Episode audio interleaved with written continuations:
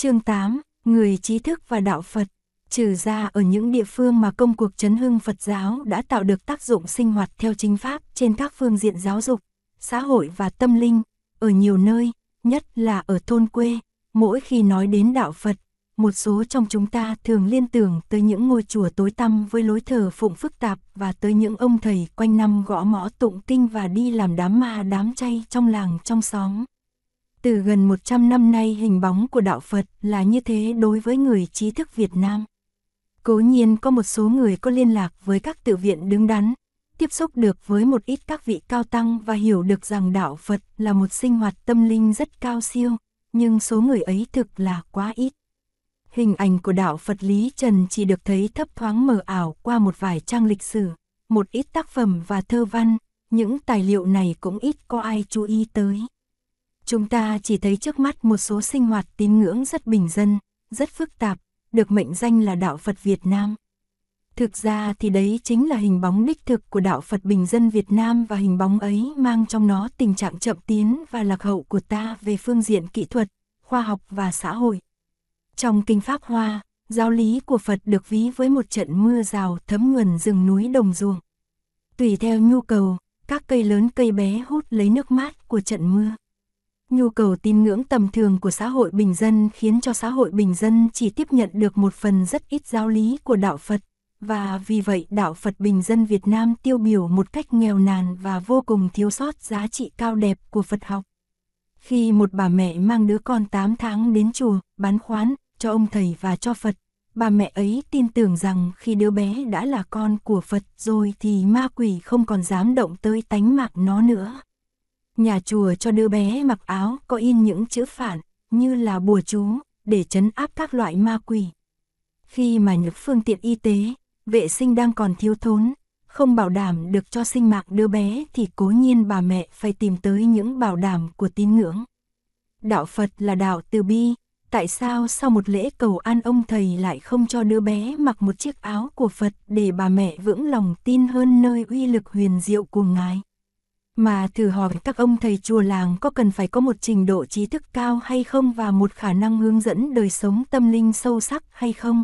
Khi mà những nhu cầu tín ngưỡng của quần chúng thì giản dị và tầm thường như thế. Một vị tăng sĩ bác học, chỉ biết dạy tham thiền và giảng kinh pháp hoa làm sao có thể sống trong một ngôi chùa bao quanh bởi lớp quần chúng chỉ đòi hỏi những công việc ma chay trừ tà và trị bệnh như thế cho nên muốn đạo Phật được hiển lộ với hết sắc thái cao đẹp của nó, ta phải tìm cách áp dụng cho được đạo Phật một cách sung mãn trong sự sống, và như thế tức là phải làm sao cho quần chúng biết tìm ở đạo Phật sự thỏa mãn những nhu cầu sinh hoạt trí tuệ và tâm linh cần cho sự phát triển toàn vẹn con người của họ chứ không phải chỉ biết tìm ở đạo Phật những an ủi và che chở có tính cách thần bí mà thôi. Một câu hỏi tự nhiên đến với chúng ta, làm sao trong điều kiện sinh hoạt kinh tế thấp kém như thế, làm sao trong sinh hoạt trí thức thiếu thốn như thế người dân có thể có được những nhu cầu về sự phát triển con người của họ về phương diện sinh hoạt tâm linh. Bận rộn quá về vấn đề chạy ăn, chạy thuế, chạy thuốc men cho con làm sao họ có thể nghĩ đến chuyện học hỏi giáo lý đạo Phật. Kiến thức thiếu thốn như thế làm sao họ nhận ra rằng sở dĩ con họ bị bệnh không phải là vì tà vì quỷ, mà tại vì họ thiếu những phương pháp trị liệu và bảo vệ sanh mạng cho đứa bé. Họ đang cần ở một ít chân tĩnh và an ủi thì họ nhận một ít chân tĩnh và an ủi ở đạo Phật, thế thôi. Đạo Phật phải chỉ cho họ thấy rằng ngoài những nhu cầu chân tĩnh và trị liệu ấy, họ còn phải tìm ở đạo Phật phương tiện để phát triển sinh hoạt tâm linh, giáo dục, kinh tế và xã hội nữa. Nhưng đạo Phật Việt Nam trong những thời gian gần đây đã không làm được như thế. Vì sao? Lý do thứ nhất là ngưỡi trí thức Việt Nam đã bỏ Phật học để theo đòi cái học khoa cử. Ai cũng biết ở các thời Đại Lý và Trần Sơ, đạo Phật đã đóng vai trò kiến quốc trên các phương diện văn học, đạo đức, nghệ thuật, giáo dục, ngoại giao và xã hội. Đạo Phật trong các thời đại ấy đã thúc đẩy sự tiến lên của xã hội Việt Nam và công trình kia chứng thực sinh lực và khả năng của Phật giáo. Sử chép rằng ở triều lý giới tri thức bác học nhất trong nước là các nhà Phật học và các thiền sư. Cái học của Phật học lúc đó là cái học để hiểu và để xây dựng, nó không đem lại tước vị cho ai cả. Các thiền sư thường được vua vời vào cung giảng đạo, luận bàn việc văn hóa, kinh tế, xã hội và cả chính trị nữa. Có thiền sư đã được mời đứng ra để tiếp sứ ngoại quốc. Thế nhưng họ vẫn sống đạm bạc nâu sồng trong các tự viện, và chỉ vào cung khi có chỉ triệu người. Giới trí thức đã nắm được tinh hoa của Phật học, tác phẩm của thời đại chứng tỏ điều ấy, có một nếp sinh hoạt tâm linh phong phú, giải thoát, siêu việt, và đã sử dụng cái học ấy để giúp cho xã hội, từ tinh thần kiến trúc đến công tác từ thiện xã hội. Nhưng từ lúc cái học thì cử bắt đầu được tổ chức, thì tình thế đổi hẳn. Người trí thức của thế hệ kế tiếp nhận thấy ở cái học ấy những phương tiện để bước lên nấc thang phú quý danh vọng. Học kinh lăng nghiêm và thực tập tham thiền nhập định không có triển vọng bằng học luận ngữ và tập làm văn sách, thi phú. Thế là trí thức Việt Nam bỏ Phật học để theo cái học khoa cử với giấc mộng áo mũ cờ lọng và võng điều võng thắm. Lịch sử ghi lại những rèm pha, những sảm tấu, những công kích đối với thiền sư và thiền môn. Các vị tăng khi không được dùng nữa thì an nhiên trở về tự viện hành đạo, dạy học, ẩn mình, đúng như lời của tuệ trung thượng sĩ trong bài phóng cuồng ca. Thâm tắc lệ hề, thiền tắc kệ, dụng tắc hành hề, xã tắc tàng, thượng sĩ ngữ lục, Việt Nam Phật điển tùng san, người ta theo cái học mới cả rồi, thế hệ trẻ chen nhau vào cửa khổng sân trình cả rồi, nên thiền môn vắng bóng kẻ sĩ. Chỉ cần một thời gian ba bốn chục năm thôi là cao tăng bác học trở nên thưa thớt lẻ tẻ. Và Phật giáo, thiếu người tri thức, thiếu sự lãnh đạo, rơi xuống cho quần chúng bình dân gìn giữ, bảo vệ. Cũng do đó mà đạo Phật trong các thời đại sau này sẽ bị lấm lem bởi những màu sắc mê tín thần bí phức tạp mà ta còn trông thấy ở nền tín ngưỡng hiện đại một số ít các bậc cao tăng không đủ để phát huy nền đạo lý chính pháp trong cả một xã hội khao khát tín ngưỡng như xã hội Việt Nam chúng ta. Và chỉ có những ai có duyên được gặp họ mới thấy được đạo Phật không phải chỉ là một ít nghi lễ để làm thỏa mãn những nhu cầu tín ngưỡng hàng ngày của quần chúng trong thôn lạc. Lý do thứ hai là số người Phật tử tri thức không biết tìm cách trả đạo Phật lại cho giới trí thức, không biết đánh tan những nhận thức sai lạc của giới trí thức khi họ cho rằng đạo Phật là mê tín thần quyền, là chỉ lo tự lợi, là chán đời, là nhu nhược yếu đuối, không trình bày được đạo Phật cho những người có trí như một lý tưởng cải thiện sinh hoạt xã hội và tâm linh của dân tộc. Điều này có thể là một điều trách cứ quá đáng, bởi vì công việc thì khó mà số lượng các cao tăng và các cư sĩ hiểu Phật thì quá nhỏ bé.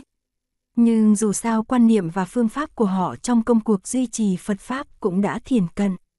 Khi người Tây Phương mang qua nước ta nền văn minh và cách học của họ, đáng lẽ đạo Phật có thể lấy kỹ thuật mới để phát huy nền đạo học đã bị mai một và chen lấn bởi cái học khoa cử. Bởi vì khi Tây học được thiết lập ở xứ ta, trí thức Việt Nam lại bỏ nho học mà theo cái học mới, cũng như ngày xưa người ta đã bỏ Phật học để theo nho học vậy. Cái học ông nghè ông cống bấy giờ hết có hiệu quả nữa rồi. Người ta bèn chạy theo cái học ông phán để buổi tối có rượu sâm bang và buổi sáng có sữa bò. Các nhà nho bị bỏ rơi, lui về vườn, và ta thấy rõ cái cảnh thiền gia và nho gia ngồi uống trà thân mật. Nhà sư cố nhiên bao giờ cũng hoan hỉ, dù là với người ngày xưa đã cho mình về vườn. Cái chữ nho mà ngày xưa người tăng sĩ thường dùng để học kinh và dạy kinh bấy giờ cũng ít ai chịu học, nên nền Phật học đã ốm yếu lại càng ốm yếu hơn. Thêm vào đó lại có những tôn giáo mới, với lối truyền đạo có phương pháp hơn, công phu hơn và tích cực hơn. Các nhà sư vốn gần gũi với phong trào kháng chiến Cần Vương nên cũng không ưa gì cái học A tròn B méo của người Pháp đem vào. Họ cũng muốn tẩy chay cái thứ văn minh, mất gốc, lúc bấy giờ đang lan tràn như vụ bão, nhất là ở thành thị. Họ không biết thích nghi với thời đại, đem lối văn tự mới để truyền bá Phật học. Trái lại những người tập sự trong các tu viện, điệu, đều chỉ được học chữ Hán. Mãi đến khoảng 1930 mới bắt đầu thấy có các chú điệu được học quốc ngữ.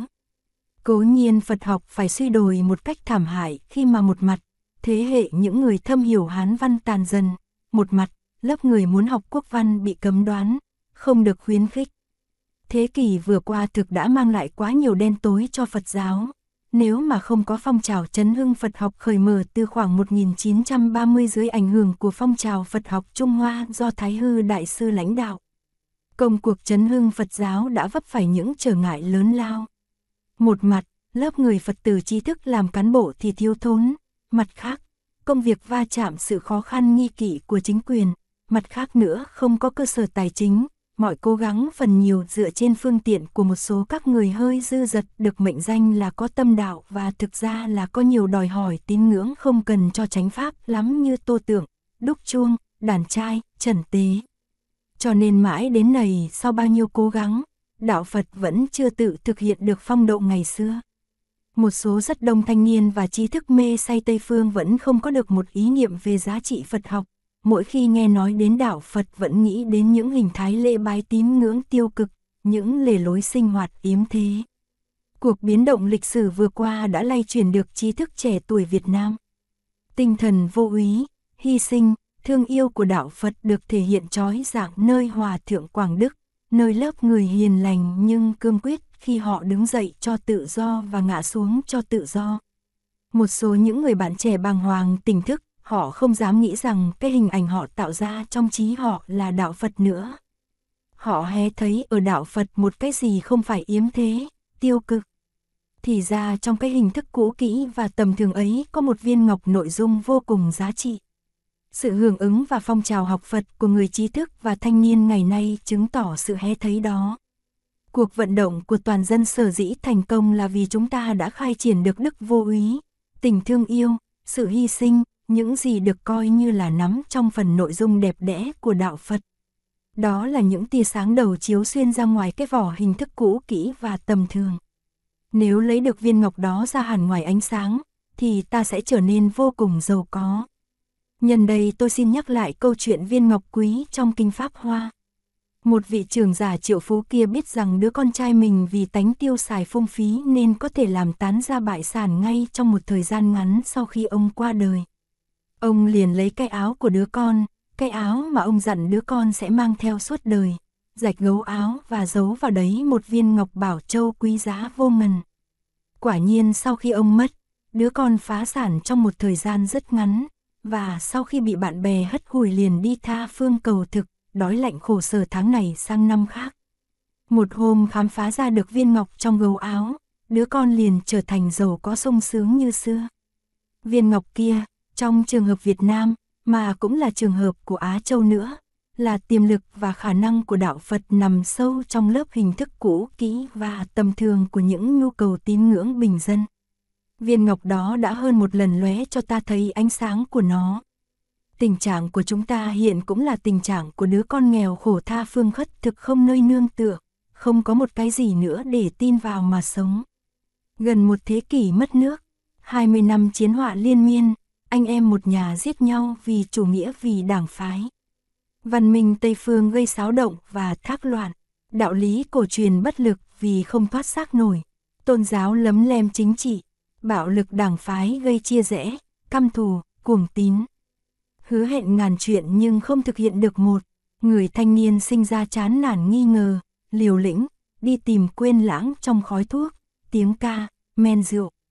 Chúng ta lâm vào tình trạng cơ cực nghèo khổ còn chua sót gấp mấy lần đứa con phung phí của người trường giả trong kinh Pháp Hoa. Dân tộc Việt Nam có dư can đảm để chịu đựng khổ đau nhưng khổ đau phải là khổ đau vì một cái gì? Phải có một cái gì để làm đối tượng cho sự quy hướng đức tin. Nếu bạo lực, căm thù, cuồng tín đã thất bại thì chỉ còn có tình thương, sự hy sinh và thái độ không cố chấp mới có thể xây dựng lại cuộc sống. Mà tình thương sự hy sinh và thái độ không cố chấp ấy ở đạo Phật vốn không phải là những trang sức hình thức, nó nằm trong tận cùng bề sâu của đạo Phật, nó là bản chất của đạo Phật. Nó chính là viên bảo châu quý giá. Thực ra những chất liệu quý giá kia đã được phát sinh và nuôi dưỡng bởi công trình thực nghiệm và sinh hoạt tâm linh của Đức Phật và của con người. Qua những biến cố và kinh nghiệm trong lịch sử, và nhất là qua cuộc tranh đấu vừa rồi của toàn dân, ta biết đến sự hiện hữu của viên ngọc quý giá đó. Tuy nhiên, nó đang nằm sâu trong lớp áo rách, phải làm thế nào để đem nó ra cho được thì ta mới thoát khỏi trạng thái cùng khổ hiện nay. Tất cả sự khó khăn là ở chỗ đó. Trong những năm tháng tha phương cầu thực, đứa con cùng khổ tuy mang viên ngọc quý trong áo nhưng vẫn không biết không hay. Mà dù nếu có biết rằng viên ngọc đang nằm trong túi áo nhưng không lấy được nó ra thì đứa con cũng chưa có thể gọi là thực sự giàu có. Chúng ta cũng vậy, nếu chỉ bằng lòng với ý tưởng rằng chúng ta có viên ngọc, mà không chịu nỗ lực để làm hiển lộ nó hiển lộ tiềm lực và khả năng đạo Phật thì chúng ta vẫn chưa là thực sự giàu có.